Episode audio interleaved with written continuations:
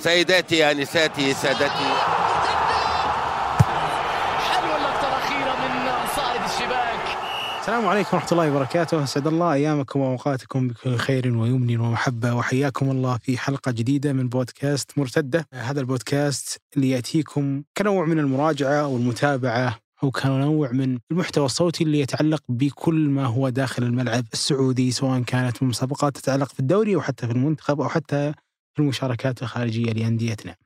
قبل ما نبدأ نحب دائما نؤكد على نقطة محددة هي تهمنا كثير لأنها نقطة تواصل بيننا وبينك كل ما في قلبك كل رسالة تحب توصلها كل تقييم تحب توصله في خانة التعليقات لأبل بودكاست أو كل منصات البودكاست اكتب ما يحلو لك وأنا هنا دائما أؤكد على النقطة أني أنا والحبيب أبو علي نفس العادة عندنا نقرأ كل شيء يكتب في آه هذه الخانة. الاعتبار واحد أنكم أهل الدار قبلنا والاعتبار واحد برضو أنه الملعب هذا هو يتعلق بكم أكثر من كونه يتعلق بنا وعشان نتطور لازم نكون أكثر سماعا لكم. وبناء على ذلك يصاغ محتوى هذا البرنامج أو هذا البودكاست. وفي نفس الوقت التقييم اللي أنت تراه مناسب لهذا البودكاست ضعه كما تحب واقترحه على من تعتقد أنه هذا النوع من الطرح الرياضي الصوتي يهمه.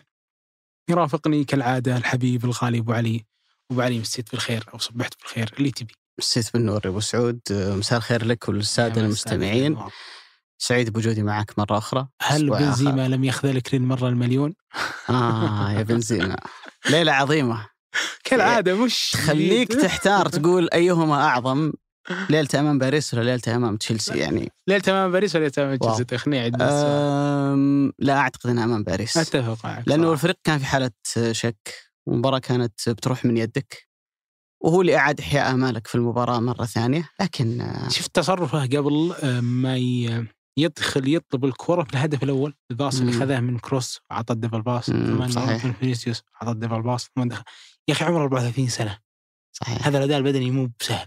شوف بنزيما السنوات الماضية يمكن آخر سنتين أو ثلاث كان بدنيا مضرب مثل ويقدر يلعب كل المباريات ويركض ويضغط ولكن كان في سبب مهم لذلك إنه ما عنده مشاركات دولية لما كان ما يلعب مع فرنسا. مم. فكان يجيك في في منتصف الموسم أسابيع فيفا كل أسبوع حوالي 13 14 يوم توقف فيها نشاطات على مستوى الأندية. فكان يجيه في داخل الموسم فترات راحة مهمة وتساعد على الاستشفاء وما إلى ذلك. لأن لما رجع يلعب مع المنتخب بدأت ترجع الإصابات. توني كروس سواها لما قرر إنه يعتزل من منتخب المانيا قال عشان أقدر يعني أختم مسيرتي إلى عمر متقدم.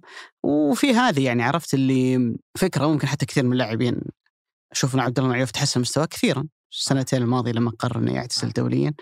لكن يمكن هذا استطراد بعيد عن الموضوع لكن أعتقد إنه أدق وصف لبنزيما ما قاله كارلو أنشيلوتي. يعني أوكي إحنا مسلمين بس الوصف جميل صراحة ما أقدر اتخطاه قال إن بنزيما كالنبيذ كل ما يعني كل ما كبر وكل ما مر عليه الوقت كل ما ازداد جودة. أنا أختلف معك. هذا مو, مو بهذا أجمل وصف أجمل وصف قيل في بنزيما اللي قاله ممدوح نصر الله اليوتيوبر المصري لا يتخاذل حينما تحتاجه ولا يحتاج ركلات الجزاء كي يسجل. أضرب اثنين في واحد يا أبو علي. وأمدح بنزيما أبو إبراهيم. طيب بعيدا عن هذا الموضوع لكن إحنا تكلمنا عن شخص اليوم. غالبا هذه الحلقة بتكون مختلفة شوي عن نمط الحلقات الماضية اللي كانت تتعلق بأحداث أسبوعية. حلقتنا اليوم تكون تتكلم عن رجل واحد اسم واحد شخص واحد ونحاول نأخذ كل الأبعاد اللي هو يتعلق فيها سواء فنيا ولا حتى جماهيريا قبل حتى حضوره. أنا هنا أتكلم عن ماثيوس بيريرا اللاعب اللي جاء لتسلسل لكمية أسماء وزخم كبيرة جدا لكل من حضر في هذا المركز وفيهم خصلة واحدة كانت تقريبا ثابتة أنه في جزء من بدايتهم كانت إلى حد ما غير مقنعة. طارق التاي في البداية بدايته ما كانت مقنعة كبير. ما هو أبدا طارق اللي بعد نص سنة من حضوره. تياغو نيفيز دور كامل يكاد يكون يعني في الكثير من علامات آه الحيرة. بعد ذلك إدواردو هو الوحيد اللي يستثنيه صراحة من ذيك القاعدة. من أول سوبر هو ما شاء الله منطلق. شغال. بعد ذلك سبستيان جوفينكو حالة توهان مدة نصف موسم.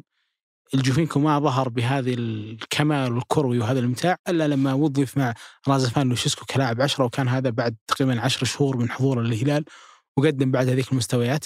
اليوم اللي يكمل سلسلة خلينا نقول ما أدري بس اللي نسميهم لعيبه العشرة اللي عندهم سحر الأسيست أو إدواردو هو الوحيد اللي يمكن يفرق عنهم من عنده خسارة التسجيل بشكل أكبر يحضر ماثيوس بريرا. نتكلم كثير عن ماثيوس بريرا ولكن وش المعيار وبعدين نقول أن هذه الصفقة فشلت؟ هذه الصفقة نجحت أو وش هو الفشل أصلا في كل صفقة تنفق في هذا العالم؟ يعني هل المعيار اللي بريرا هو نفس المعيار لميشيل أو في تفاوت صحيح. بينهم؟ يعني هو غالبا اللاعبين اللي يأتون بأرقام كبيرة يكون تطلعات كبيرة. يعني بقدر ضخامة المبلغ بقدر ما يكون التطلع كبير جدا إنه تصنع نجاح وتميز والناس تكون يعني متلهفة ومستعجلة وتبي هالنجاح والتميز يبان من ال- البداية. ولكن لو تنظر يعني خلينا نقيسها على المستوى العالمي وبعد ذلك نروح لدورينا المحلي ونشوف الصفقات الكبرى اللي اللي أجريت على مدى التاريخ. وأنا بالنسبة لي حاولت إني أحط هنا معيار وهنا معيار فعلى مستوى اللاعبين العالميين خلينا ننظر الصفقات اللي تكلفتها كانت من 80 مليون يورو فأعلى. تلاحظ إنه القائمة تقريبا فيها 14 لاعب خلينا نعدهم على السريع. نيمار مبابي عثمان ديمبلي إلى برشلونة كوتينيو أيضا إلى برشلونة جواو فيليكس إلى أتلتيكو مدريد جريزمان إلى برشلونة جريليتش إلى مانشستر سيتي كريستيانو رونالدو انتقاله الثاني إلى يوفنتوس إيدن هازارد إلى ريال مدريد لوكاكو إلى تشيلسي في انتقاله الأخير بوجبا وانتقاله إلى مانشستر يونايتد اللي كلف ما يقارب ال 120 مليون جاريث بيل إلى ريال مدريد وصفقة رونالدو الأولى اللي كانت لريال مدريد ب 94 مليون وآخر اسم جونزالو هيغوايين اللي انتقل ليوفنتوس بصفقة ضخمة كانت من نابولي الإيطالي. لو بتفصل في هالقائمة ما راح تلاقي أسماء تقدر تقول عنها إنها نجحت نجاح باهر تحولت إلى الاسم الأول الأبرز الأنجح الأكثر تاثيرا في أنديتها إلا رونالدو في فترته مع ريال مدريد وكيليان مبابي في فترته الحالية مع باريس سان جيرمان ممكن أقل من ذلك بشوي تحكي عن فترة رونالدو مع يوفنتوس وتحكي عن نيمار مع باريس سان جيرمان والإثنان فيهم نفس المشكلة إنه هو أتى من أجل نجاح معين في سقف عالي اللي هو دوري أبطال أوروبا، ما لم تحقق هذا النجاح سينظر لك دائما على إنه أنت لم تحقق المطلوب منك فبالتالي صفقتك كانت فاشلة. في أسماء نص ونص لكن على الأقل في سبع أسماء يعني نص العدد اللي إحنا تكلمنا عنه تقدر بوضوح تقول إن صفقاتهم فشلت وما أدت المطلوب منها ولا كانت على قدر التطلعات عثمان ديمبلي كوتينيو جريزمان الثلاثة اللي انتقلوا إلى برشلونة لمحاولة تعويض نيمار ولا واحد منهم كان يقترب من مستوى فاعلية وتأثير نيمار لما كان مع برشلونة. إيدن هازارد وجاريث بيل مع ريال مدريد ثنتين من أضخم الصفقات اللي أجراها الريال ولا واحدة منهم أعطت فاعلية. زي اللي مثلا قاعدين نشوفها من بنزيما أو اللي شفناه من كريستيانو رونالدو في وقت سابق ونقدر نضيف على القائمة بوجبا في مانشستر يونايتد. طبعا ما نبغى نتعجل في أسماء مثلا زي إنه لسه موسم أول مع السيتي لكن إذا بضيف لهم اسم اسم سابع فهو جواو فيليكس لاعب أتلتيكو مدريد انتقل 120 مليون. ثالث موسم ولا موسم من المواسم اللي أمضاها مع أتلتيكو كمهاجم أو حتى كمهاجم ثاني كسر حاجز العشر أهداف في الدوري. يعني أهدافه كل موسم تتراوح ستة سبع أهداف وأداءه اذا تاخذها كأداء مش مقنع قياسا بالقيمة اللي دفعت فيه، اللي أبغى أقوله إنه على مستوى العالم اليوم معظم أو خلينا نقول على الأقل نصف أو في بعض الأحيان يفوق النصف من الصفقات الكبيرة اللي يدفع عليها مبالغ كبيرة تراها ما تنجح. ليش؟ هذا موضوع ثاني، لكن تراها ليست يعني استثناء عندنا والامر موجود على مستوى العالم. إذا بننزل شوي ما بتكلم مثلا نحط حاجز نقول 80 مليون ناخذ أسماء عشوائية، ماجواير في مانشستر يونايتد أعلى صفقه مدافع في التاريخ، شوف أداء اليوم معهم، كيبا أعلى صفقة حارس في التاريخ واليوم احتياطي في تشيلسي. ديليخت ما قدم الأداء اللي كان منتظر منه مع يوفنتوس. نيكولاس بيبي صفقة استثمر فيها أعتقد إذا ما كنت مخطئ أعلى صفقة في تاريخ أرسنال. صحيح. ومع ذلك مخيب. نابي كيتا ثاني أغلى لاعب في تاريخ ليفربول بعد فيرجيل فان دايك. وأداءه في كثير من الأحيان مخيب. أضيف لك اسم بافاري. أضيف لي اسم. لوكاس هرنانديز أغلى صفقة في تاريخ بايرن ميونخ. صحيح. الباري اللي ما يصرف شيء كم صرف؟ اليوم- 76 آه، مليون يورو؟ فوق ال 70 مليون. لو بنجي للدوري المحلي ونضع أيضا مقياس ومعيار نقول لاعبين اللي كلفوا من 9 مليون يورو فما فوق. كم لاعب عندنا؟ تاريخ الدوري 11 لاعب. اللي من 9 مليون يورو وانت طالع. في الصدارة بيريرا 18 مليون. يجي بعده أحمد موسى. يجي بعده بيتي مارتينيز لاعب النصر. سوزا لاعب الأهلي. جوليانو لاعب النصر. جانيني كورونادو واحد أذكر إن الناس نسوه ستانسيو لعب ست شهور بس مع الأهلي وكلف 10 مليون يورو. آه التاسع بريجوفيتش العاشر كاريو ورقم 11 اللي هو آخر واحد في القائمة جاري رودريغيز اللي الاتحاد فرط فيه حاول يوديه إعارات ويصرفه يمين ويسار عشان ما ما يبلشون في راتبه المرتفع. من هالقائمة من اللي قدم أداء مذهل خليك تقول يستاهل السعر اللي اندفع فيه بقول كاريو إلى حد ما وبقول بكل ثقة كورونادو لأن بدايته مذهلة جدا مع الاتحاد. أه نوعا ما جوليانو بيتي مارتينيز ممكن لولا الإصابة لكن في أسماء واضح مثلا زي أحمد موسى زي آه، ستانسيو زي بريجوفيتش زي جاري رودريغيز. بتلاحظ إنه هالأسماء ما قدمت الأداء اللي كان منتظر منه. وأنت هنا تتكلم ممكن عن نصف القائمة اللي أنا قاعد أوردها لك على مستوى الدوري المحلي. خلاصة هالكلام. ترى اليوم فرص فشل الصفقات الكبرى اللي يدفع عليها مبالغ عالية في كثير من الأحيان يصل إلى ترى 50 50 فرصة نجاحه وفرصة فشله وهذا الموضوع يخليك تفتح سؤال مهم وعريض جدا هو أصلا ليش الصفقات هذه تفشل؟ هو موضوع شوف ما تقدر تمسك له يعني خيط تتتبعه إلى أن تصل إلى الحقيقة أو إلى نتيجة واضحة تستند إليها تقول لأجل هذا فشل اللاعب، لكن في كثير من الأحيان قد يكون الموضوع قلة تواصل. اللاعب ما عنده مش مرتاح في البيئة الجديدة اللي هو موجود فيها، كونه يأتي من بلد أجنبي عشان يعيش في السعودية ممكن يفتقد أصدقائه، يفتقد عائلته، يفتقد نمط الحياة اللي كان موجود فيه، في كثير من الأحيان عوامل مثل الطقس، في كثير من الأحيان حتى اللغة، عوامل كثيرة تساعد في الموضوع، ولكن في موضوع مهم جدا بنحكي عنه لاحقا عن بيريرا. أنا ما أبغى احطه كمبرر بيريرا لأنه هذا لما سئل خوان سيباستيان فيرون كان أعلى صفقة في زمانه في بداية الألفية لما انتقل من لاتسيو إلى مانشستر يونايتد وفيرجسون قرر إنه يستثمر فيه وترى بالمناسبة المشكلة احاول استرجع احداث تاريخية عمرها أكثر من 20 سنة. أتذكر اليونايتد في نهاية التسعينات مع دوايت يورك وأندي كول كان يلعب 4 4 2 بيكهام يمين، جيجز يسار وثنائي المحور اللي هم روي كين وبول سكولز. من أجل فيرون غير نظام اللعب إلى 4 2 3 1 4 5 1 بمختلف يعني تنظيماتها وكان يلعب بمهاجم نيستلروي لاحقا صار هو مهاجم الفريق من أجل أن يجد الفيرون توظيف في عمق الملعب مع سكولز وروي كين. فيرون هذا اللي أنا الآن أوردت قصته لما سئل عن أهم سبب لفشله مع مانشستر يونايتد قال بسبب سوء فترة الإعداد.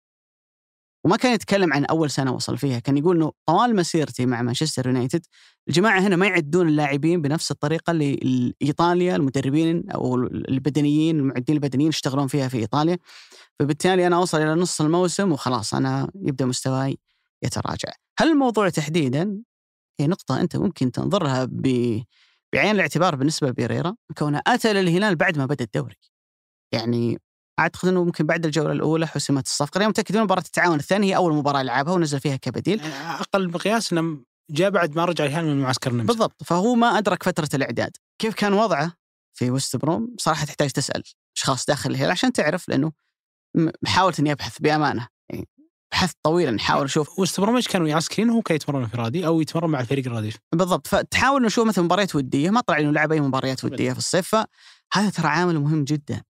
لما فترة إعدادك تكون سيئة ترى بيأثر عليك على مدى الموسم. لكن بشكل عام نحاول الفكرة اللي أنا أوصلها أنه ترى اليوم أصلا إجراء صفقات كبيرة جدا بمبالغ ضخمة. ترى في ريسك عالي جدا. ولذلك لو اليوم في إدارة نادي معين حتى لو كان عندها ملاءة مالية يقول والله أنا عندي ليمت معين ما أدفع أكثر من المبلغ هذا لأي لاعب. لأسباب عديدة أخي ترى على فكرة في إدارات أندية تؤمن بمبدأ التشاؤم. يقول والله يا أخي كل ما ندفع صفقة غالية تفشل. نروح نشتري لاعب رخيص وينجح. يعني شوف مثلا اليوم آه، على سبيل المثال بتلاقي في لاعبين زي قالوا ما كان مبلغه مرتفع ما ذاك نجح مع الهلال. بتلاقي مثلا كويار مبلغه ما هو مرتفع وإلى حد ما نجح مع الهلال.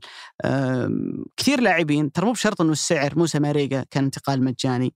وقس على ذلك عبد الرزاق حمد الله وأكثر من اسم آخر. تلسكا تكلم عن 8 مليون يورو تقريبا اللي دفعت لكوانز وشوف اليوم تأثيره مثلا على النصر. ف ممكن يكون في مبرر. منطقي وحجة مقبولة. لو اليوم في أي إدارة نادي كبير على مستوى الدوري السعودي أو حتى عالميا يقول والله يا أخي أنا عندي limit معين ما أدفع أكثر منه لأنه ال risk عالي جدا. واحتمالية إنه أنت اللاعب هذا صفقته ما تنجح بسبب الضغوطات اللي تسلط عليه لأنه ترى فيها ضغط كبير جدا على اللاعب. لو أنت جاي بهذا السعر وبهذا الرقم فالناس تنتظر منك إنك تجي تكسر الدنيا وتصبح نجم الفريق وأفضل لاعب في فريق في عناصر تلعب من عدة سنوات. أوكي أنت موهوب أنت بارع أنت فنان بس ترى مطلوب منك إنك تصير أحسن من سالم اللي يعني كرويا ولد داخل نادي الهلال له سنوات يلعب في الهلال. مطلوب منك تكون كقيادة في خط الوسط أكثر من سلمان اللي اليوم هو في سنوات النضج 32 33 سنة وطول عمره يلعب في نفس النادي ويتمرن في نفس الملعب. فيه ضغوطات كبيرة مطلوب منك إنك تتفوق على لاعبين أجانب سابقينك بسنتين وثلاث يلعبون في النادي. فيها ضغوطات كبيرة في كثير من الأحيان الضغوطات هذه بعض اللاعبين أنا أقول لك إياها بأمانة يفشل في إنه يكسرها ويتجاوزها ويقدم الأداء المرجو منه. طيب سؤال هل هو هل هو الآن أصلا ماثيوس بريرا حضر بسعر أعلى من المتوقع له حضوره؟ يعني أنا أتذكر وقت اللي هو كان هو موجود في وست بروميتش ألبيون بعد ما انتقل من سبورتنج لشبونه لوست بروميتش إعارة بحقية شراء ثم بعد ذلك شراه السعر المقدر له كان 17 مليون يورو كقيمة سوقية وارتفعت شوي نزلت شوي لكنها كان في هذا المستوى وفي ذاك الوقت اللي هو أصلا كان مقدم موسمين جدا عظيمه ورائعه مع وست بروميتش ألبيون كان أغلب الفريق مبني على خلينا نقول حوالينا أو حوالين قدرته على التسجيل خصوصا بعد هبوط وست بروميتش في فترة آه، توني بوليس وبعد ذلك تفريغ الفريق وإعادة تش- تشكيله وهيكلته مع بيليتش وبعد ذلك عودتهم للبريمير ليج من جديد. أغلب اللعيبة مثل فيليبس أو مثل حتى آه، المهاجم الفنزويلي اللي نسيت اسمه راندون هو روندون إيه بالضبط راندول الكل مشى يعني واللي راح إيفرتون اللي تفرقوا في أندية البريمير ليج. ماثيوس بيريرا كان عين كشاف أخذته من سبورتنج لشبونة بعد إعارة أعتقد لفرانكفورت. وبعد ذلك بني عليه الفريق وأعتقد إنه كان خيار جدا ممتاز وممتاز جدا. ان الهلال يدفع فيه 18 مليون يورو. مهما إحنا كنا قلنا هذا المبلغ مرتفع هو الأغلى في تاريخ كرتنا وهو الخطوة الأولى للهلال ان يصرف مثل هذه المبالغ. يعني أغلى صفقة بعد ماثيوس بيريرا كانت أندريا كاريلو ب 8 مليون يورو. بعد ذلك بتشوف حدود 8 9 أسماء لعيبة الدوري السعودي كلهم ما يلعب فيهم الهلال ولا مرة. أعتقد ثلاثة للأهلي واحدة للاتحاد وثنتين للاتحاد وثلاثة للنصر. الهلال الوحيد اللي تجاوز هذا السقف هو ماثيوس بيريرا ولكن رغم أن الهلال تجاوز هذا السقف الهلال نفسه ما كان يقدر يحصل على واحد مثل ماثيوس بيريرا إلا لازم يدفع هذا المبلغ لاعتبار واحد. كل اللعيبة العظماء اللي جونك وهو وهو اللي جو للدوري السعودي. وهم عظماء. وكانوا خلينا نقول على قدر تطلعات المجتمع السعودي الرياضي اللي يتابع إلا إنه كذا ولا كذا هو كان جاي بعد الثلاثين. يعني كان سواء لأندريا كاريلو لما جاء عمره 28 سنة. يعني بنفس الوقت كاريلو ابدا في تجربته في أوروبا ما هي تجربة ماثيوس بيريرا. آه، سواء نور الدين مرابط يحظى بتجربة كبيرة ولكن بعد ما خلينا نقول عدى 30 إيفر بانيجا بعد ما عدى 32 أو 31 وعلى ذلك نقيس حتى بافيتيمبي جوميز بعد ما ختم الدنيا كلها جاء وعمره 34 سنة.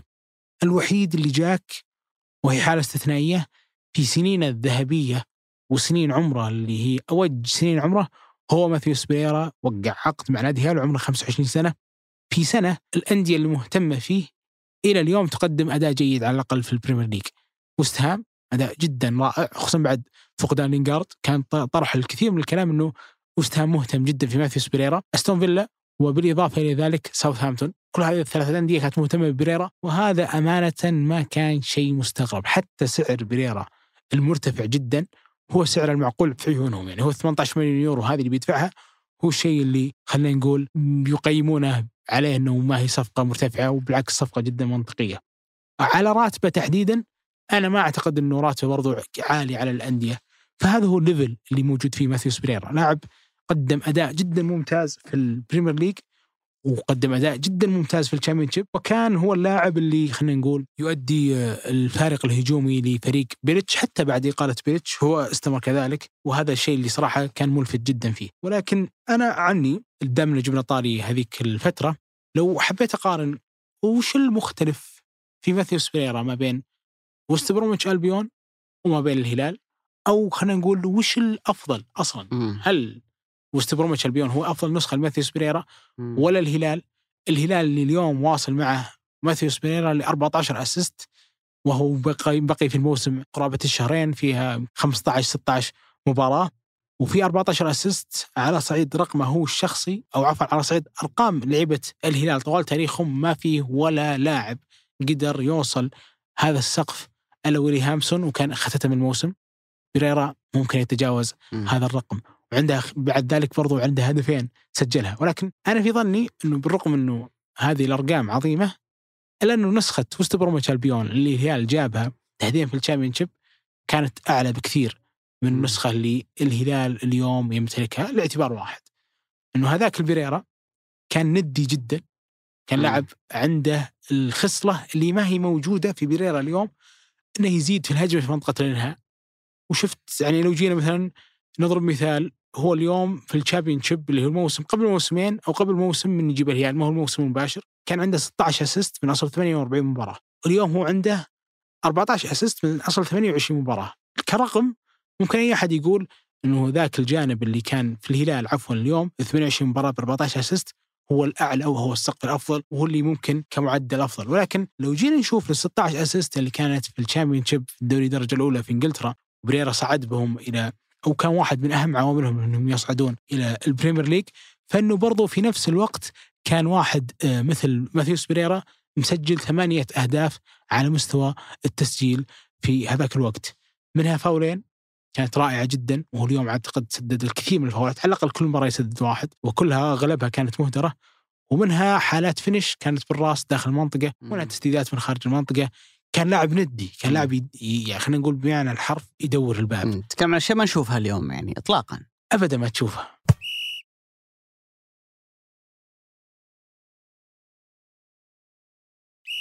ابدا ما تراها. أنا وش اللي يصدمني في بيريرا؟ إنه اللي يعرفه زين في ال Championship في ذيك الفترة ذيك السنة كان اللاعب يدخل ويطلب الكرة كثير داخل المنطقة. في واحد من الأهداف كان يسدد وترجع من الحارس ويجي يكملها بالقدم الثانية وكان بينه وبين الكرة سنتر. وفي الكثير من الكور كان يطلبها من على القوس ويسددها فكانت عنده فعالية التسديد أكثر. سبحان الله لما صعد لل Premier League اللي المفروض إنه تقل نسبة التهديف. وتستمر على الأقل نسبة الصناعة بحكم انه فريق بيكون غالبا يحاول يبتعد عن الهبوط. السنة الماضية بريرا سجل 12 هدف في أصعب دوري في العالم.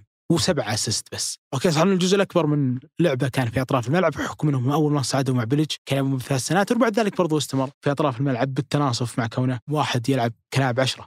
لكن 12 هدف سبعة assist في ال Premier League 16 assist وثمانية أهداف في ال Championship أرقام ما تدل ابدا على انه هذا اللاعب إذا جاء الدوري السعودي بيعاني من أنه ما يسجل. ترى إحنا يا أبو علي ما نعيبه إذا قلنا أنه ما يسجل ولا يجانب التوفيق. يعني لو إنه بيريرا عنده معدلات تسديد على المرمى بقول له أوكي الموضوع يحتاج إلى توفيق لكنه ابدا ما يتواجد. لا في مناطق الفنش ولا حتى يحاول إنه يسدد كثير على المرمى. وهذا يجذبني سؤال يمكن أعطيك مم. إياه. هل هو أصلا توظف بشكل اللي هو يحبه في الهلال مم. تسمح لي أعلق بس على موضوع ال 18 مليون. على كل شيء. في ناس يقول لك أصلا فريقه هبط إلى دوري. طبعا نتكلم عن Championship إحنا نعني دوري الدرجة الأولى في إنجلترا اللي يعني اللي تحت ال Premier League على طول. يقول لك أصلا فريقه هبط لدوري الدرجة الأولى فبالتالي هو لاعب كويس ما كان هبط فريقه وترى هذا سعر مبالغه فيه من هالكلام. لازم اللي ما يتابع الدوري الإنجليزي يعرف إنه في كثير لاعبين نجحوا وتألقوا في الدوري الإنجليزي الممتاز وهو جاي من نادي في دوري الدرجة الأولى. أبرز مثال على ذلك ميسون ماونت لاعب تشيلسي. راح اعاره سنة لديربي كاونتي. مع فرانك لامبارد ورجع بعد ذلك مسك مكان أساسي في تشيلسي واليوم أيضا موجود على مستوى منتخب إنجلترا وهو السنة اللي صنعت بريق ونجاح ميسون ماونت كانت مع ديربي كاونتي في دوري الدرجة الأولى. المثال الأوضح هو جيمس ماديسون صانع لعب ليستر سيتي كان موجود مع نورويتش سيتي في دوري الدرجة الأولى وانتقل إلى ليستر ب 25 مليون يورو يعني ما يزيد على 100 مليون ريال وهو اليوم لاعب أساسي ومهم. تقدر تعتبره ممكن ثاني أهم لاعب في ليستر بعد آه، جيمي فاردي وهو جاك من دوري الدرجة الأولى والأمثلة على ذلك كثير. إليوت هالسنه مع كلوب بداية الموسم قام يتعرض اصابه كلها صحيح إحنا نتكلم نتكلم عن لاعبين يعني أساسيين ومؤثرين على مستوى أنديتهم وأتوقع حتى يعني ميسون ماونت لو كان مش ملك لتشيلسي وراح اعاره لو هو معروض للبيع كان بيجيب ممكن فوق 30 أو صحيح. ال 40 مليون. فترى هذه أسعار طبيعية جدا بالنسبة ل Championship ما انعطى فوق قدره. بالضبط يعني فهذه أسعار طبيعية قياسا بعمر اللاعب قياسا بالموسم الرائع اللي قدمه في ال Premier League الموسم الماضي والموسم اللي أروع منه اللي كان قبل ذلك في دوري الدرجة الأولى، أنا يهمني كثيرا الموسم اللي كان في دوري الدرجة الأولى أكثر من موسمه في ال Premier League، ليش؟ لأنه في وضعيتك الموسم الماضي مع وست بروم أنت نادي مهدد بالهبوط وأفضل شيء ممكن أنت تسويه إنه أنت تبقى في ال Premier League لموسم آخر، فبالتالي تتكلم اليوم زي زي إنك تتكلم عن صانع لعب في نادي موجود عندنا في الدوري السعودي في مؤخرة الترتيب. فريقك بيلعب في كثير من الأحيان في نصف ملعبه بيلعب متراجع بيعتمد على التحولات بيعتمد على الهجمات المرتدة بيعتمد كثير على المواقف الثابتة الفاولات الجانبية الركنيات وبراعتك في أنك ترفع كرات لزملائك فيسجل الفريق من خلالها. لكن لما كان في الشامبيون شيب أنت في مستوى تستهدف أنه أنت تنهي الدوري هذا كمركز أول أو ثاني أو بعد ذلك تروح للملحق اللي هو أربع مب... يضم أربع فرق ومن خلالها تصعد لل Premier League. فأنت تتكلم هنا أنت في دوري أنت في منافس. أنت في تسعة إنك تكون من الأندية اللي موجودة في المقدمة وكانت ارقامها مثل ما ذكرت على مستوى الصناعة وعلى مستوى التسجيل آه، ممتازة جدا، لذلك في ظني إنه قياسا بهالموسمين بعمر اللاعب، المده المتبقية في عقده، بالأندية الأخرى اللي دخلت فيه، الهلال كان في منافسة شرسة جدا مع عدة أندية. وفي لحظات لو نسترجع الذكريات في الصيف الماضي في لحظات كثيرة وصلنا إلى إلى درجة من اليأس إنه الهلال بيقدر ياخذ لاعب قاعد يتنافس عليه أندية كبيرة في ال Premier League ومداخلها عالية جدا. فأعتقد إنه بالنسبة للصفقة لو يعود يعني بنا الزمن إلى لحظة اتخاذ القرار أعتقد إنه معظم الرؤساء كانوا بيوقعون على العقد مثل ما وقع عليه فهد بن نافل. تتكلم عن عمر اللاعب عن النجاح الكبير اللي موجود عنده حتى صيغة العقد لمدة خمس سنوات هي تحميك أنت يا الهلال بشكل كبير حتى موضوع راتب اللاعب ما هو بذاك الراتب المرتفع أنا متأكد إنه لاعبين كثير في الهلال في فترات ماضية وممكن حتى من اللي موجودين حاليا يتقاضون راتب أعلى منه. فبالتالي أنت لو تأخذها إذا أنت عندك الكاش اللي يساعدك على أنك تدفع للاعب من هالنوع صدقني أي رئيس نادي آخر كان سينظر له على أنه استثمار ناجح وصفقة يعني عليك أن تقاتل من أجلها، عاد اللي يصير بعد كذا هذا موضوع في علم الغيب، يعني لو الواحد يدري وش بيصير في المستقبل كثير من القرارات كان كان في حياته. عشر صفقات يعني. اللي ذكرتها بدايه الصفقة. بالضبط. كلهم لكن استخدام. أنا ما ألوم ابدا ما ألوم إدارة الهلال على أنهم تعاقدوا معه ولا ألوم إدارة الهلال أنهم دفعوا فيه هذا المبلغ المرتفع. أه، ولا ولا أبغى هنا أبان كأني قاعد أقول إنه هو صفقة فاشلة. لا بنفصل في هذا ممكن على نهاية الحلقة كل واحد بيعطينا يمكن رأي ال- ال- الاكيد أو النهائي في في في مسألة ومسيره بيريرا. لكن أعتقد إنه كلحظة توقيع مع اللاعب واتخاذ قرار أعتقد إنه كان يستحق السعر اللي دفع فيه وكان يستحق إنه أنت تستثمر فيه لأنه كموهبة كعمر يستاهل. هذه نحط عندها صح. كلنا نتفق كلنا نتفق. أنه يستحق. سؤال هل هو انحط في المكان اللي المفروض ينحط فيه؟ شوف اليوم في كثير أندية استغنت عن فكرة صانع اللعب لاعب العشرة التقليدي. وممكن هذه الأندية أكثر بتشوفها في ال- الأندية المتقدمة اللي تنافس. يعني ريال مدريد اليوم ما عنده لاعب عشرة برشلونة ما عنده لاعب عشرة ليفربول ليفربول مانشستر سيتي كثير من. الأندية. يعني ممكن استثناء بايرن ميونخ مع مولر. مولر له سنوات ما هو 10 10 آه، يعني نوعا ما ممكن تتكلم عن ديبالا مع مهاجم ثاني صحيح. في يوفنتوس. لكنك بتلاحظ إنه على مستوى الأندية الكبرى بيصير الاستثناء إن الفريق يكون عنده لاعب عشرة لكن الأصل إن معظم الأندية اليوم مش موجود عندها. فالتوظيف المناسب للاعب بإمكانيات بيريرا قطعا هو ان يلعب كلاعب عشرة خلف المهاجم. ولعل مشكلته اللي أتت لاحقا مع دياز إن دياز أصلا نظام لعبه ما عنده لاعب عشرة. لكن في ظني إنه يا إما يلعب صانع لعب أو إنه يلعب ناحية اليمين في منطقة متقدمة. حط 20 خط تحت منطقة متقدمة. يعني لا تلعبه محور يمين تقول يا بيريرا أعطني أفضل أداء لك ولا تلعبه في المكان اللي كان يلعب فيه كاريو في الفترة الماضية وتطلب من بيريرا إنه يرجع ورا خط النص ويستلم الكورة وياخذ الباص الأول اللي يطلع من المدافعين وبعد ذلك يصعد لك الهجمة على ما توصل للثلث الهجومي. هو لاعب يحب يستلم الكورة في نصف ملعب المنافس يحب ياخذ الكورة في مناطق متقدمة لأن قوته وميزته هي في ال pass. اللمسة الحريرية اللي يعطيك إياها. وبتلاحظ إنه غالبا التمريرات المميزة الحريرية اللي قاعدين نحكي عنها هي في النصف الأيمن من الملعب. لو بترجع لل 14 assist اللي بيريرا سواها هالموسم مع الهلال عنده اثنين ضربات ركنية. ترى هذه نقطة مهمة. في كثير لاعبين مثلا على سبيل المثال توني كروس في ريال مدريد في سنوات عديدة يكون عنده أرقام مرتفعة على مستوى ال assist لكن كثير منها ركنيات وفاولات. فاللاعب اللي يعمل لك assist من لعب مفتوح هذا عنده ميزة إضافية على اللي يعمل لك assist من كرة ثابتة وإن كانت ثنتين توديك في نهاية الأمر لنفس النتيجة اللي هو تسجيل هدف. ولكن شيل من ال 14 كورتين كانت من ركنيات. واحدة على اليمين واحدة على اليسار بقى عندنا 12 حالة. في ثلاثة منها تقدر تعتبرها ككرات عرضية. يعني كانت من طرف الملعب ثنتين من اليسار واحدة ناحية اليمين ممكن أشهرها العرضية اللي لعبها الجوميز في مباراة بيرسبولس اللي أعطاها جوميز مقشرة وسجلها. عنده واحدة ثنتين ناحية اليسار يعني عملها تمريرات عميقة. ناحية ال- اليسار لكن غالبية الأسيست اللي سواه بيريرا هالموسم بتلاحظ أنه في النصف الأيمن من الملعب ال- يمكن أشهرها الباص الجميل اللي عمله الكاريو في مباراة الحزم. تحاول تتذكر على مدى الموسم بتلاحظ إن بيريرا كلما وجد في ذلك المركز يواجه الملعب ورجله اليسار مفتوحة ناحية المرمى يرى يعني عنده زاوية رؤية واسعة ويشوف اللاعبين اللي داخلين من الجهة الأخرى اللي قاعدين يقصون من الجهة الثانية من ال 18 تكلم عن سالم كاريو. حتى لاعب مهاجم لو كان طالع على الطرف وبعد ذلك يخترق العمق. تلاحظ انه هذا النمط من التمريرات هو الأكثر يعني تكرارا عند بيريرا. لذلك إذا بجاوب على السؤال هذا أقول لك وش أفضل توظيف لبيريرا؟ يا إما يلعب لاعب عشرة يا إما يلعب ناحية اليمين بس يكون متقدم. يعني يستلم الكرات في مناطق متقدمة جدا ما ترهقه بعملية أنه يرجع للخلف ويأخذ لك الهجمة ويصعدها. أصلا في موقف لاعب ضد لاعب أنت الآن تخيل نفسك أو تخلينا نتخيل كاريو. لما يأخذ الكرة في نصف ملعب الهلال ويحاول يصعدك الهجمة وش حلول كاريو ال pass موجود عند بيريرا السرعة انه يجري والكرة في رجله مش موجود عند بيريرا، انه يراوغ بالمرونة العالية والمكاتفة والقدرة على حماية الكرة مش موجودة عند بيريرا. فبالتالي صعب تطلب من بيريرا انه يستلم الكرة في نص ملعب الهلال ويصعدها لك ويصنع لك منها تأثير كبير. أصلا أنت هنا ستقتل الميزة الأهم عند بيريرا اللي هي عملية صناعة الفرص وصناعة صناعة الأهداف. لو تلاحظ اليوم مثلا كاريو ما عنده أرقام مرتفعة على مستوى ال assist لكن يعطيك يقدر يعطيك فاعلية من نوع ثاني اللي هي تصعيد وتطوير الهجمة، بيريرا style مختلف هو يخدمك وين؟ يخدمك لما أنت تشيل الكورة من وراه وتعطيه إياها في الثلث الهجومي بعد ذلك هو اللي يعمل لك ال pass، التسديدة، ايا كان نوع التأثير اللي هو يسوي لك إياها، فأنت كذا بتتخيل الملعب النصف الهجومي الشق الأيمن منه أو في عمق الملعب نوعا ما إذا بيلعب لاعب عشرة أنا أشوف إن هذا هو التوظيف اللي تقدر تطلع فيه من بريرا أفضل أداء ممكن. يعني تقدر تقول إنه رسم الهلال تقييم على ليوناردو جاردين بعد الجولة الثانية لما تحول 4 3 1 هو كتشكيل. صحيح. بعيدا عن صحيح. وين كان وين كان دياز المباراة الأخيرة اللي كانت آه، مع الشارقة الإماراتي لعب 4 2 3 1 ووظفه كلاعب 10 خلف صالح الشهري وكانت واحدة من المباريات خلينا نقول اللي أداء فيها جيد إلى حد ما، أنت تتفق معي ولا تشوف إنه توظيف دياز ومن قبله جاردين في بعض المباريات اللي كانوا يلعبونه كلاعب ناحية اليسار هو التوظيف المناسب. لأن شفناه كثير هالموسم يلعب ناحية اليسار.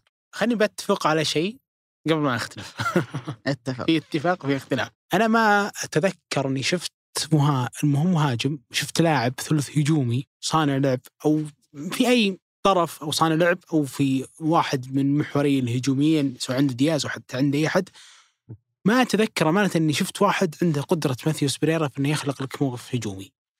يعني فيه عنده نظرة بعيدا عن كونه إنه لمسته تحريريه وإنه كورته تجي المهاجم بأفضل نمط يتمناه المهاجم وأنا هنا بضرب مثال بهدفي قالوا الرابع على النصر اللي كانت في مباراة آه، الدوري هي ولا كأس الملك؟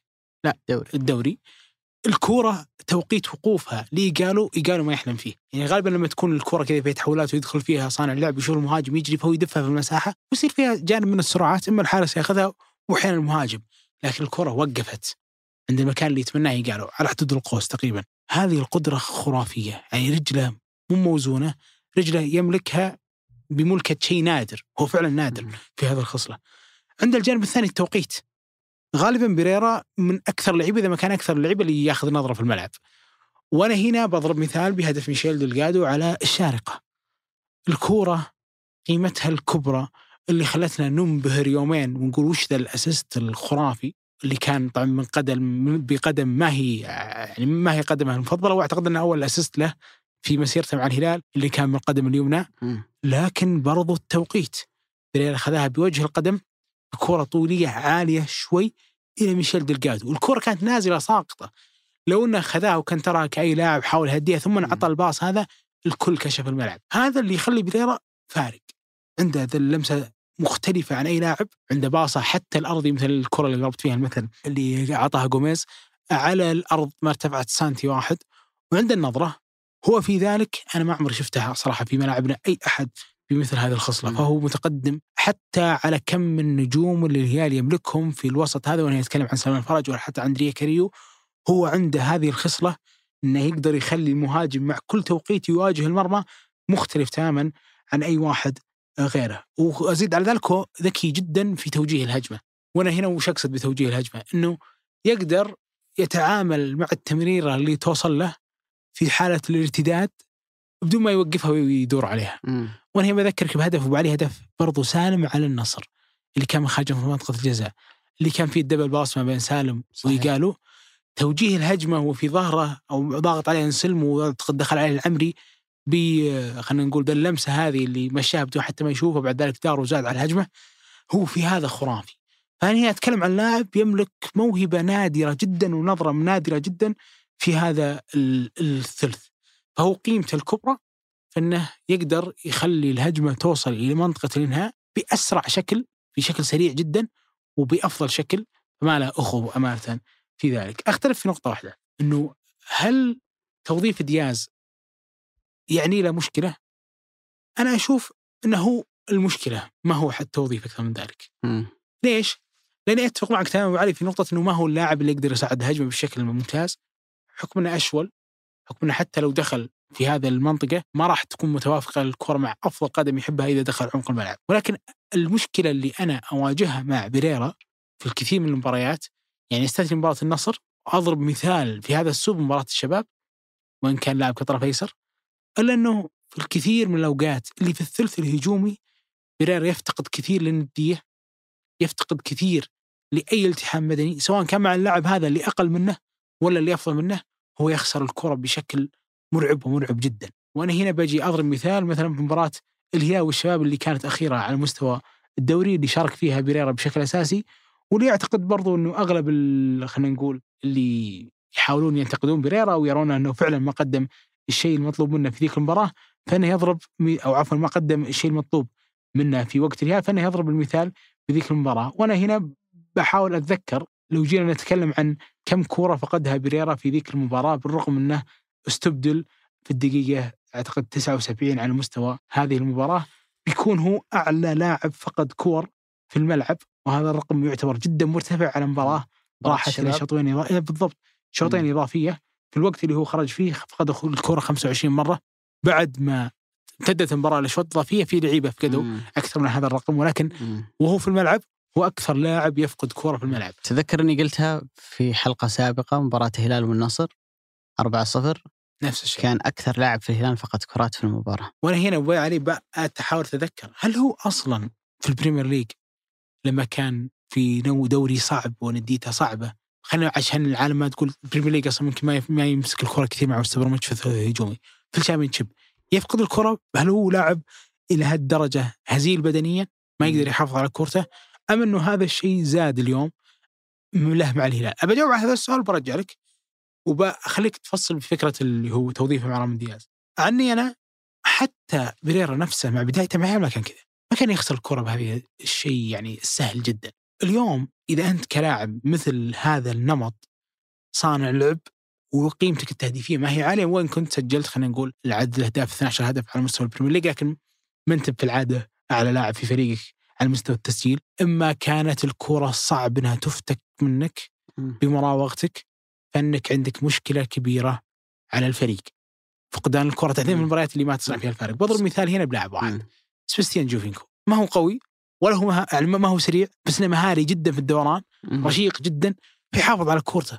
بيرى عنده هذه المشكلة. ذكي أصلا دائما يستلم الكرة بعيد عن مناطق الضغط. عنده قدرة وذكاء عالي إنه يفرغ لنفسه مساحة. صحيح. عشان يستلم فيها وبعد ذاك قرار يكون سريع فبالتالي ما تلحق إنه أنت تضغط عليه أساسا. ومع إنه ما هو اسرع من بريرا ترى بالجري في الكورة. لكن حتى لما كان في الكثير من الأوقات المحاور الستة يستلمون الكره في ظهره عمدا كان يعطيك نصف متر هذه عشان يدور. هنا أبو سعود فارق الخبرة. يعني تكلم عن لاعب فوق ال 30 طول أقل من 170 سم كان مهاجم ثاني يعني يعني يلعب في أكثر مناطق الملعب زحمة في الدوري الإيطالي ثم في الدوري الأمريكي اللي أتوقع إنه يعني يمكن الدوري الإيطالي الكل يعرف قيمة الدوري الإيطالي لكن الدوري الأمريكي على مستوى القوة البدنية أنا متأكد إنه أعلى من عندنا بكثير فبالتالي واحد عاش في هالبيئتين في أكثر منطقة مزدحمة من الملعب أكيد مع الوقت تتعلم كيف تخلق لنفسك مساحة كيف تتصرف في المساحات الضيقة وبعد ذلك بتكون عندك عملية الذكاء هذه أنا ما اعذره. والله يعني بريرا واحد متأسس في أندية البرتغال لعب في فرانكفورت لعب في البريمير ليج. فانحط في مواقف كثير لا بس الفكرة يا ابو سعود. الفكرة كيف تعيش في أكثر منطقة مزدحمة في الملعب وأنت طولك 160 وحاجة زي جوفينكو. هذا ما لم تكن. ذكيا لازم تكون ذكي. صحيح. فهو كان يتعامل معها يتعامل معها بذكاء. لكن ما تلاحظ إنه لما تتكلم عن عن بيريرا أنت تقول إنه عملية فقدان الكرة قاعد يزيد.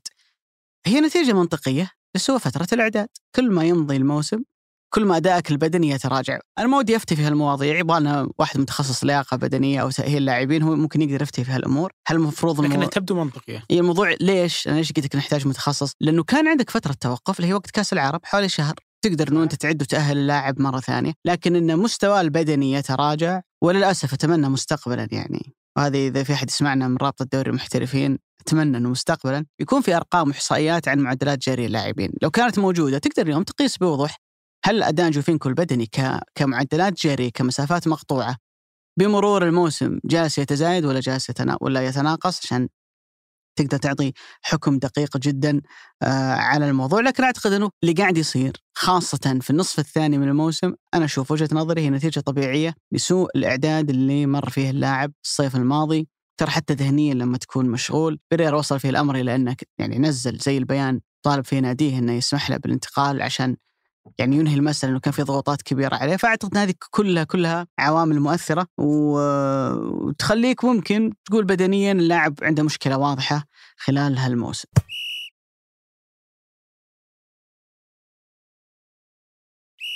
طيب توظيف أنا بسألك عن ترى ما جاوبت على التوظيف. أنا؟ إيه وش المركز المفروض إنه يلعب فيه؟ شوف في الهلال اليوم هو ما هو موجود المركز اللي هو يحبه بس كلاعب مثل بيريرا عندك هذه الخصلة ولا أنت بسيء بالكورة.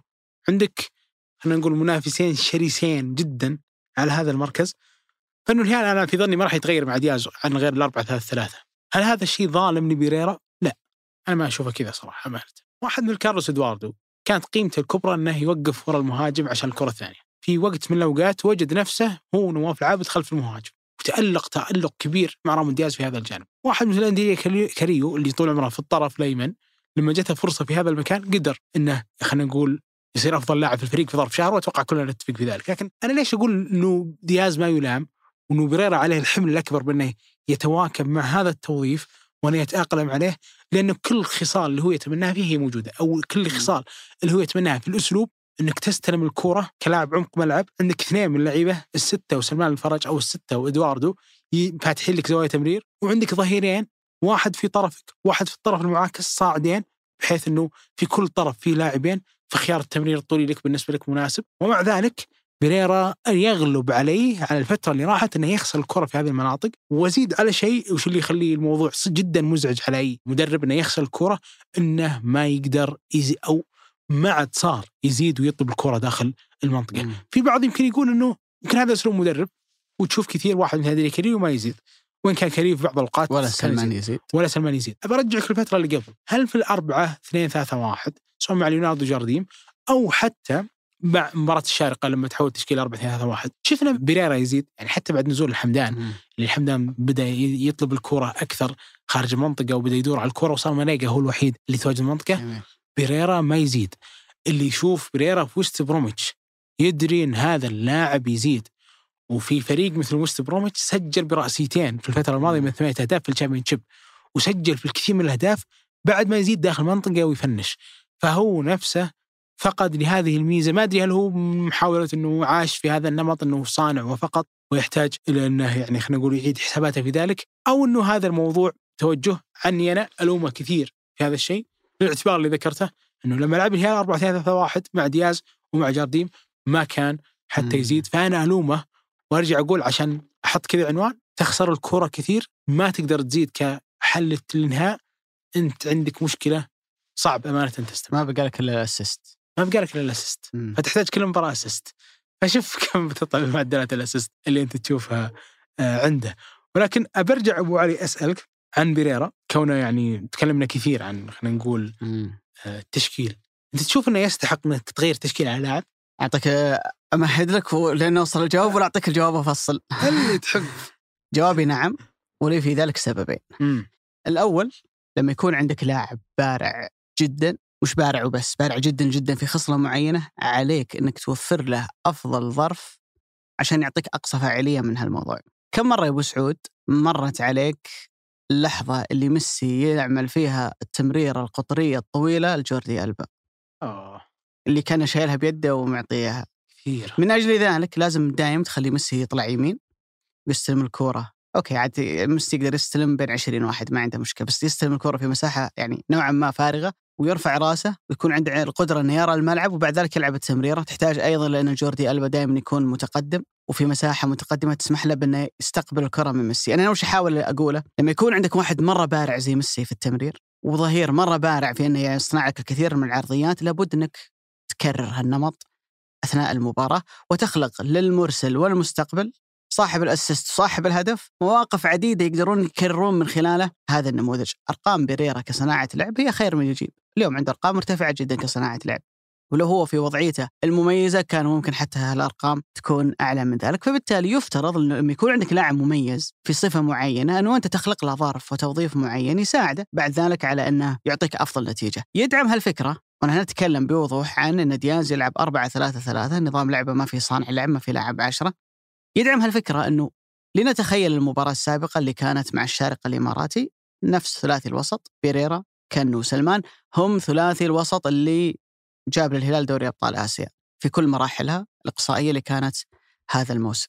لو أنت وظفت كنو كلاعب ستة مكان كويار وظفت بيريرا وسلمان ثمانية واحد يمين وواحد يسار ما راح يعطونك نفس الأداء اللي يعطونك إياه لما تلعب بمحورين كنو سلمان جنب بعض وبريرا قدامهم صانع لعب مع إنهم نفس العناصر مع إنهم نفس اللاعبين. لكن لما أنت توظف كل واحد منهم أوكي سلمان ممكن يرتاح في هذا المركز ويعطيك أداء جيد. لكن بتصير عندك مشكلة إن سلمان وكاريو وعفوا وبيريرا كلهم يسار وكل واحد منهم راح يحب إنه يلعب على اليمين عشان يواجه الملعب برجل مفتوحه فبالتالي واحد منهم بينظلم لما يطلع على اليسار ولا كأنه راح يعطيك نفس أداء كويار لما يلعب كلاعب ستة، هل هنا المنطق إني أعاند وأقول لا أنا بلعب نفس النظام وما يهمني ولا علي من أحد ولا أكيف نفسي مع العناصر اللي موجودة عندي؟ يمكن العبارة هذه أنا استشهدت فيها واستخدمتها كثير عبارة أنطونيو كونتي اللي قال المدرب زي الخياط. يفصل أسلوب لعب يتماشى مع العناصر اللي اللي موجودة عنده، لا تحاول إنك تتفزلك ولا تتفلسف كثير، حط كل لاعب في المكان اللي يقدر يعطيك أفضل أداء ممكن بالنسبة له، فلذلك لما نشوف إن بيريرا بارع جدا في هذه الخصلة وتوظيف 4 2 3 1 يساعد سلمان ويساعد كنو ولاحقا بيساعد حتى لاعبين آخرين مثل آه عبد الله عطيف، عبد الإله المالكي، يمكن الوحيد كويار اللي شفنا نسخته الأفضل لما يلعب كلاعب ستة متأخر الوحدة معظم العناصر اللي عندك يناسبهم يلعبون بهذا الأسلوب. النقطة الثانية أنت تكلمت عن موضوع الزيادة. ناخذ آخر موسمين للهلال قبل زيادة اللاعبين الأجانب لما صاروا ثمانية بعدين نقصوا إلى سبعة وصار فيه دعم واستثمار كبير في الرياضة عندنا. 2016 2017 هداف الدوري. الأول والثاني وأنا بركز هنا على ثاني الهدافين إدواردو لبوناتيني كل واحد منهم عنده 12 هدف. الموسم اللي بعده 17 18 الأول والثاني كل واحد منهم عنده سبع أهداف تخيل. هداف الهلال في الدوري عنده سبع أهداف كان عمر خربين بالمناصفة مع جيل ريفاس.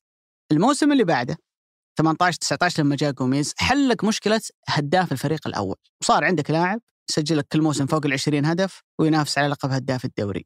قلت لك يهمني الهداف الثاني. وعلى فكرة لما اتكلم عن الهداف الثاني تأثيره مهم جدا وأبرز مثال على ذلك ريال مدريد هالموسم. بنزيما هو بنزيما. هذه معدلات التهديفيه آخر موسمين أو ثلاثة. اللي فرق مع ريال مدريد إن فينيسيوس الهداف الثاني صار يحط كل موسم أو خلينا نقول على مدى الموسم عدد مهم من الأهداف اللي تجيب لك نقاط في المباريات اللي بنزيما ما يقدر يسوي لك كل شيء لوحده. يعني في مباريات بنزيما يعمل لك شيء استثنائي زي اللي سواه أمام تشيلسي أو أمام باريس لكن لو وقف بنزيما يوقف الفريق لابد من وجود هداف ثاني. يعني شوف الآن رومارينيو مع حمد الله. إذا ما سجل هذا سجل هذا. ولذلك مهم بالنسبة لأي نادي لابد يكون فيه عنصر ثاني مهم في مستوى التسجيل والفاعلية. نرجع للهلال 18 19 من لما جاء جوميز. أول موسم مين ثاني الهدافين؟ إدواردو ب 10 أهداف، ثاني موسم مين ثاني الهدافين؟ أيضا إدواردو ب 12 هدف، الموسم الماضي بان هالتأثير في الهلال لما طلع إدواردو، فكان ثاني الهدافين هو سالم. المشكلة هذه حلت في الهلال من لما جاء ماريجا. لسه كم جولة قدامنا بالنسبة للهلال في الدوري وماريجا واصل إلى 11 هدف يحتاج إلى هدفين عشان يصبح أفضل ثاني هداف في الهلال ممكن في آخر عشر سنوات. طيب وش أبغى أوصله من وراء كل هالكلام؟ لما يكون عندك هداف زي قالوا ولما يكون عندك هداف ثاني ومهاجم ثاني ولاعب نقطة قوته في كيف إنك تمررها تمريرة بينية ويحط المدافع في ظهره ويواجه المرمى، الموقف اللي سواه ماريجا يمكن 50 مرة هالموسم. أنا هنا أحتاج لاعب يزيد، أحتاج لاعب في 18 ولا احتاج لاعب حريف بالعربي كذا يغرقهم اسيستات اللي هم تكلم عن ايجال وتكلم عن ماريكا. فلما يكون عندك اثنين كلهم أقوياء في التسجيل كلهم أقوياء داخل ال 18 كلهم أقوياء في طلب الكورة داخل ال 18 التمريرات البينية العميقة. أليس من المناسب؟ ويكون عندي أيضا لاعب بارع على مستوى الكرات الثرو البينية اللي من بين المدافعين اللي يحطك أنت وضميرك زي ما يقولون. ليس من المنطق إني أكيف الفريق بما يضمن لي إنه هالثلاثة أركبهم على بعض. عندي واحد مرة فنان في عملية الأسيست وعندي اثنين داخل 18 ما يرحمون. لو نجحت في إنك تصنع توليفة ضمها الاثنين مع بعض مع سالم على الجناح الأيسر أنا أقول لك بتشوف هلال استثنائي.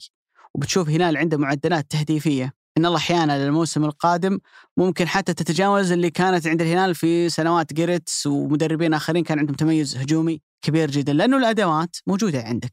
اللي أنت اليوم تفتقد إليه هي الوصفة. التوظيف يمكن جوعانين عشان كذا قلنا وصفة. التوظيف كيف إنك تحط نظام وخطة لعب تحتوي هؤلاء كلهم مع بعض عشان تعطيك بعدين أفضل النتائج اللي المرجوة اللي أنت تبغى تطلعها منهم ترى مش عيب في كثير اليوم لاعبين عالميين يطلب من المدرب نصا يقول أنا أبغى ألعب في هالمكان لأنه فاعليتي في هالمكان تكون أفضل. مبابي على سبيل المثال في باريس بدايته معهم كان يلعب ناحية اليمين بعدين طلب إنه يلعب ناحية اليسار وشايفين مبابي اليوم في اليسار الشيء اللي قاعد يسويه لدرجة إنه هو ونيمار الاثنين يلعبون كجناح أيسر. في السنوات الأخيرة صرنا نشوف نيمار يلعب أكثر كلاعب عشرة يلعب أكثر لعمق الملعب عشان يعطي مبابي فرصة أنه يلعب ناحية اليسار وكثير الأمثلة والدلائل على ذلك. أصلا ريفالدو سنوات سابقة اللي لحق على ريفالدو اللي طلعه من برشلونة وخلاف مع فان خال على وش المركز اللي هو المفروض يلعب فيه. ويقول أنا أرى أني ألعب عشرة فان خال يقول لا تلعب طرف أيسر قال السلام عليكم بمشي أشوف لي فريق ثاني. فالقصد أنه مش منطق إني أجي عند لاعب ما يرتاح له في مكان معين وأحطه في مكان ثاني وأقول إذا ما أديت معناته أنت فاشل. صح أنا أتفق معك. بيريرا بدنيا مشكلته بدنية بالمقام الأول. وجزء من الملامة يعني اذا اليوم بقسم اللوم بقول إنه ممكن 55 60% يتحمله بيريرا. بيريرا هو اللي ما ساعد نفسه، لكن أيضا في أحيان كثيرة خاصة مع دياز توظيف دياز ما كان يساعد بيريرا. لذلك أنا وجهة نظري لابد إن دياز يلاقي له حل يغير نظام اللعب يرجع ل 4 2 3 1 شوف له طريقة يضع فيها بيريرا في مكان يساعده لأنك لو مع طيب نتكلم على الموسم القادم مع فترة إعداد أفضل تكون في الصيف وتوظيف مناسب للبيريرا أنا أتوقع بتشوف منه حاجة استثنائية. اسمح لي أختلف. أختلف. صرنا اختلافين واتفاق واحد على ما نوصل للسؤال الرابع نشوف عرفت أبو سعود هي أصلا هي هي جدلية كبيرة جدا صحيح. في الكورة. يقول لك العناصر ولا الأسلوب؟ صحيح. يمكن أفضل من يطبقها هو بيب. بيب عنده استعداد يخسر أي واحد في العالم. الأسلوب. إلا الأسلوب ما يخسر الأسلوب. بس خلاص عشان كذا نلحقه.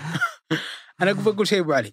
إنه الهلال هذا نفسه قبل رامون دياز كان يعاني كثير على مستوى التشكيل والأسلوب مع ليوناردو جارديم والموسم الماضي برضو عانى في فترة ال drop اللي صارت إلى درجة إنك بديت هذا الموسم تشك إنه هل تحتاج أصلا إعادة صياغة لهذه العناصر عشان تبدا تثبت على الأسلوب من أول تسع مباريات كان نفس الأسلوب نفس التشكيل ثابت وفي عناصر أنت ما ذقت لذة امتلاكها آخر سنتين إلا بهذا الأسلوب وهذا التشكيل.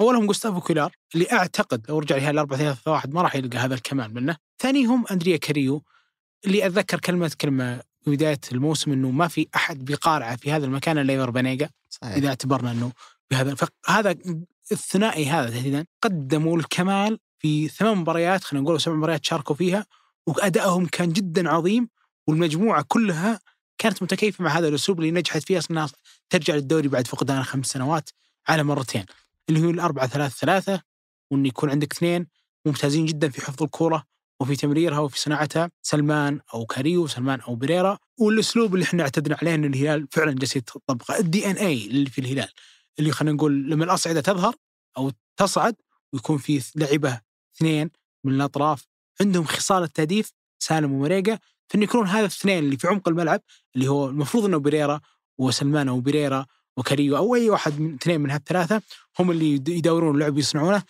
فهذا بالنسبة لي هو أفضل أسلوب ممكن الهلال يتماشى عليه.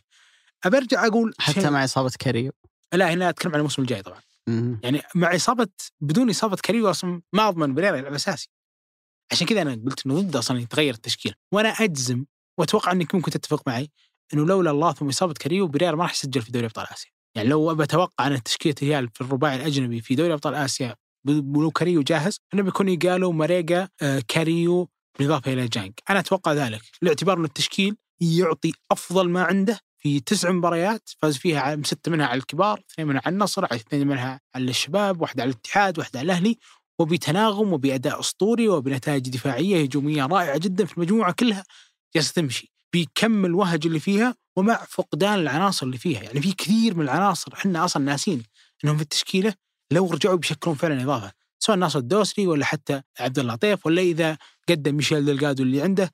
فكل هذه الأسماء اللي أنا بضيف لها شيء بعد إنه مريقا وسالم بيهمني كثير إنهم يستمرون في الأربعة ثلاثة ثلاثة.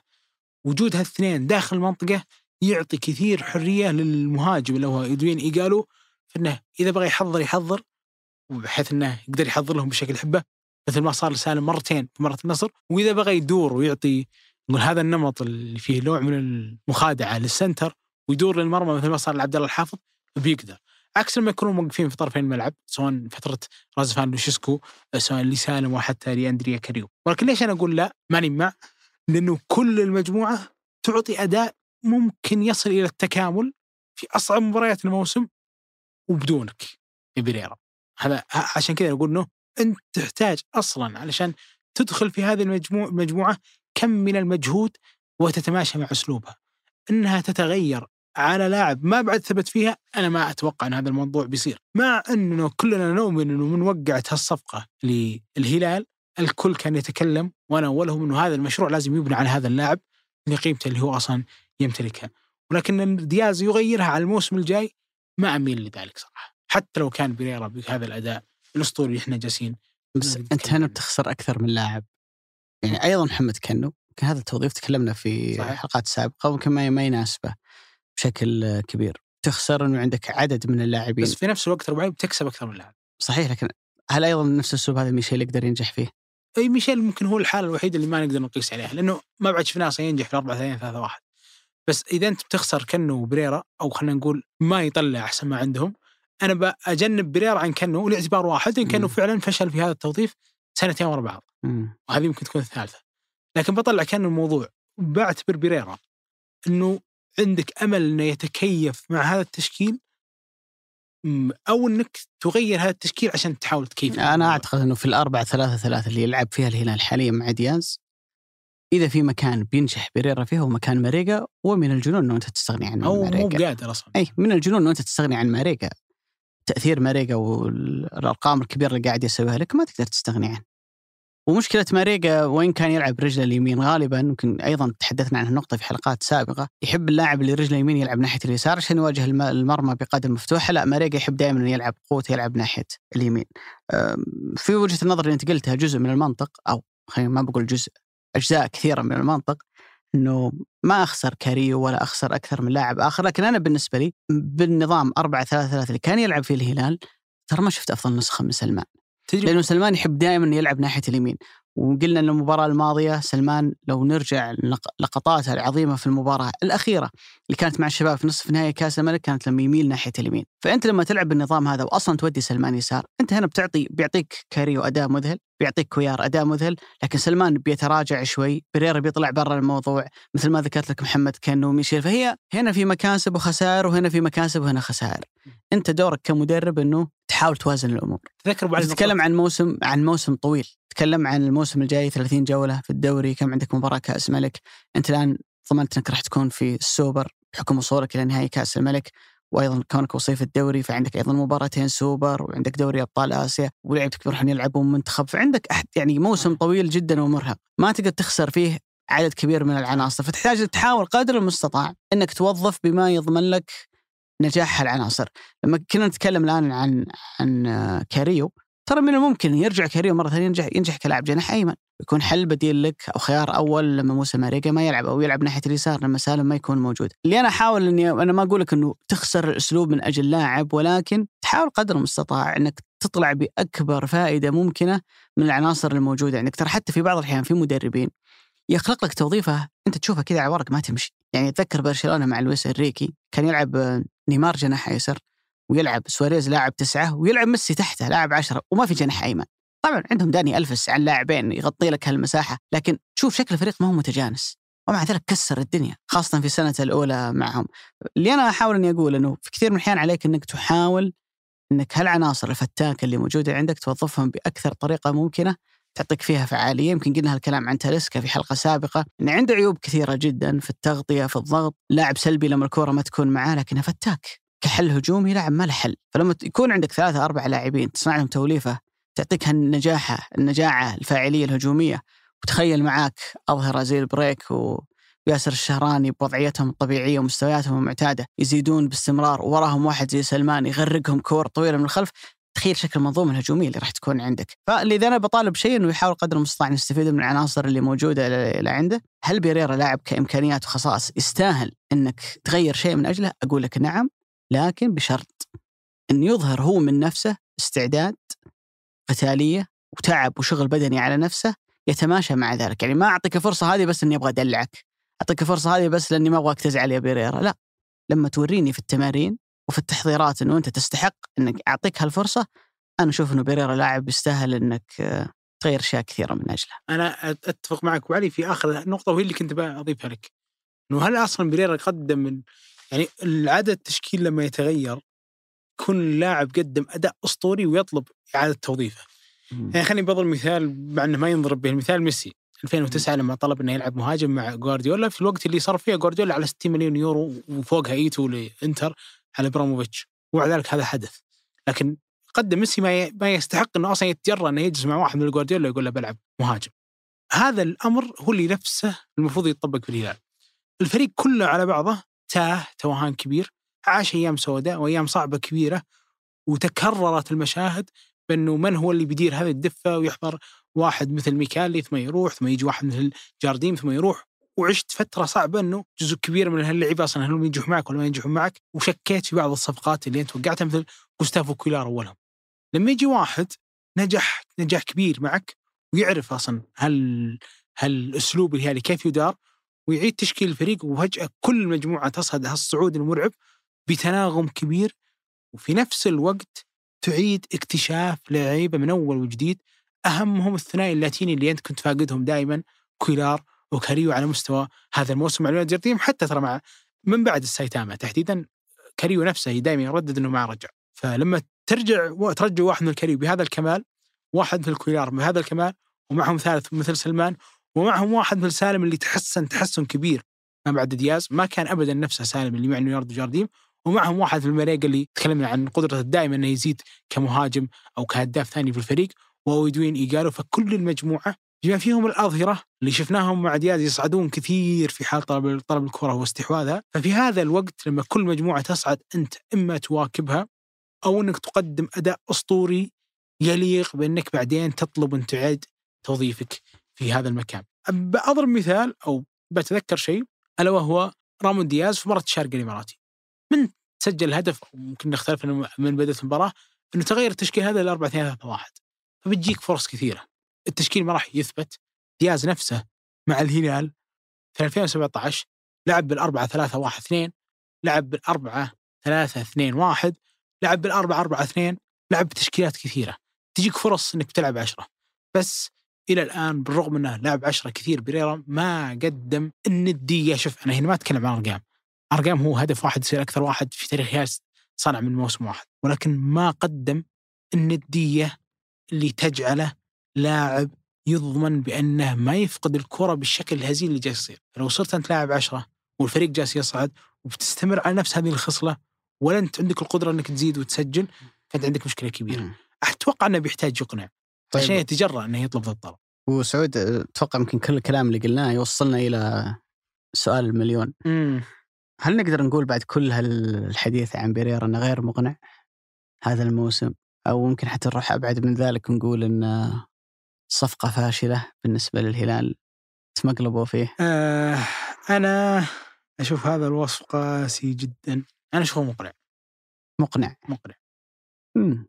أنا أشوفه مقنع. على كل الكلام اللي قلناه عنه. على كل الكلام اللي قلته عنه يا خالد تجي تقول مقنع؟ أنا أشوفه مقنع. لكن عنده افضل أنا مقتنع إنه هذا اللاعب جودته مرتفعة جدا عن كل قرين له. مقتنع مرة. وعندي يعني خلينا نقول أيام في سنتين قبل الهلال في عمره 23 24 سنة وهو عمره 25 فالمفروض أنه مم. ناضج الحين تشير إلى أنه فعلا لاعب عالي عالي جدا كجودة وكإمكانيات واحيانا في المباراة يعطيك لمحة مثل هدف ميشيل دلجادو هذه الكرة لو جبت مم. والله لو جبت استغفر الله بس والله لو جبت كل لعيبة الدوري السعودي.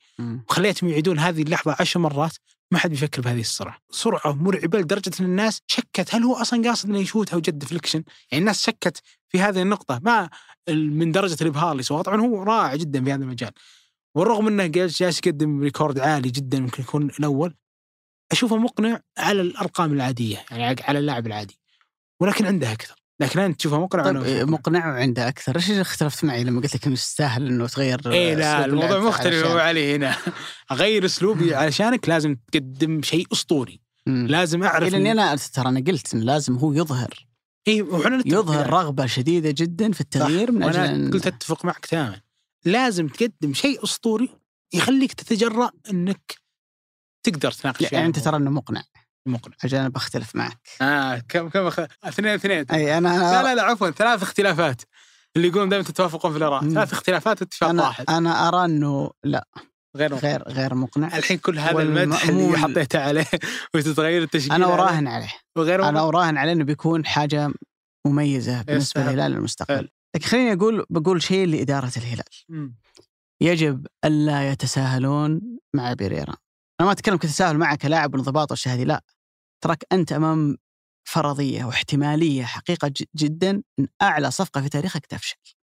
تكلمنا عن النماذج العالمية والنماذج صحيح. المحلية اللي موجودة. لذلك انت تراك مهدد بشكل كبير جدا واستثمارك الكبير في بيريرا يبوء بالفشل. ما انت مختلف عن غيرك. بالضبط. يعني كان غيرك أشطر زي زي ما يقولون. لذلك لابد أنك تسعى لمعالجة الوضع اللي موجود فيه بيريرا حاليا. تبحث أسباب هل اللاعب مش مرتاح؟ بيئة اللاعب التواصل ممكن بعض الأشياء تحاول أنك تغيرها. وأنا متأكد إنه إدارة الهلال من الإدارات اللي دائما عندهم سعي حثيث لمعالجة مثل هالمشاكل اللي موجودة عند اللاعبين. بدنيا اللاعب لابد أن يكون موجود من أول يوم في المعسكر وهو غالبا ما سيحدث لأنه ما عنده أي ارتباطات دولية في الصيف أو شيء من هالقبيل لكن لابد أن يتم تهيئته وإعداده بدنيا بشكل لائق للموسم القادم. الهلال دافع له 18 مليون يورو أعلى صفقة في تاريخه في تاريخ الدوري السعودي علشان يقدم أداء أفضل من اللي شفناه هالموسم حتى لو كانت الأرقام تتحدث بأرقام مميزة. بالنسبة لبيريرا يبقى في تأثير على مستوى الملعب مهم مهم جدا. واحدة من المميزات اللي في عقد بيريرا مثل ما ذكرنا أنه خمس سنوات وبالتالي قدامك أربع سنوات. على الأقل لو في فرضية أنك أنت بتبيع بيريرا قبل ما ينتهي عقده إذا كنت ما راح تجدد معه قدامك ثلاث سنوات تقدر بعدها إنه تبيع بريرا وتحصل فيه سعر عالي. فبالتالي لابد إنك تحمي استثمارك من خلال إنك تحاول إنك تشوف المشاكل اللي موجوده عند اللاعب على أساس إنه يعطيك الموسم القادم أداء أفضل. الأمر في ظني يبدأ من بيريرا نفسه. الإيمان والاعتقاد إنه عنده أفضل من اللي قدم.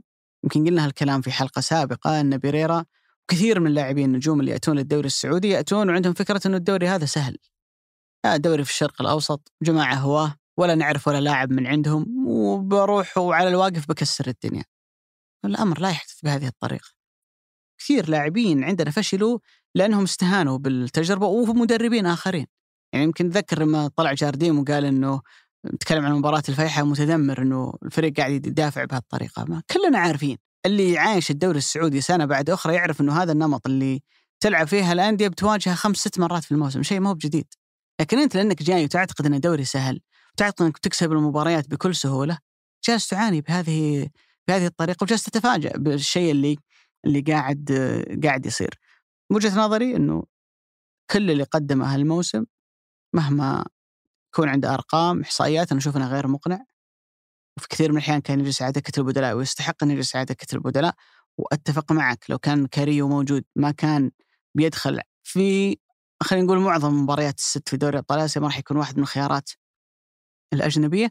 وفي ذلك رسالة واضحة لبيريرا ترى حتى لو أنت أغلى لاعب ترى حتى لو أنت ينظر لك على أنك نجم الفريق إذا ما تلعب تجلس على الموضوع مش موضوع يعني كاريو نفسه اللي الآن يشاد فيه. قبل الإصابة كان لاعب دكة في فترة طويلة من الموسم. ما في مجاملة اللي يلعب ويؤدي هو اللي يأخذ مكانه في التشكيلة الأساسية. وهذه واحدة من يعني الأشياء اللي كانت جيدة بأمانة في جارديم وأيضا في دياز إنه ما ما في اعتبار الاسم بقدر ما إنه في اعتبار للأداء اللي موجود عند اللاعب. قولي الفصل في هذه المسألة. بريرا غير مقنع لكن أنا أتوقع منه أنا أتوقع منه إنه السنة الجاية مع فترة إعداد كاملة مع الهلال في المعسكر راح نشوف منه اداء مختلف في الموسم القادم. عشان ما يقولون الناس تو هنا يا ابو علي. بحاول أعيد صياغتها ونكتبها. أنت قلت بيريرا غير مقنع أنا أقول بيريرا مقنع أنت تقول يتغير التشكيل عشانه. أنا أقول ما يتغير التشكيل عشانه. حلو؟ حلو. وفي واحدة بس اللي اتفقنا عليها. تصدق واحدة بس. تدري إيش هي؟ توظيف؟ لا السعر. آه أوكي. إنه شيء. سعره سعره لا فعلا. هذا هو سعر الانظار فعلا فعلا. عدا ذلك كله اختلاف. وأنا ما أتوقع إنه الخلاف عن بريرا بيجلس أو عفوا بيقف إلا إذا بداية الموسم القادم أو عفوا في الموسم القادم فشل فشل ذريع أو نجح نجاح مبهر. هنا بيوقف هذا الكلام عنه. وأتوقع إنه فعلا هي خلينا نقول طبيعة كل مباريات الصفقات عفوا الكبرى. عندك كلام ودك تضيفه؟ سعيد والله بهالحلقة. يمكن هي كانت بسرعة؟ كانت نمط مختلف عن الحلقات السابقة.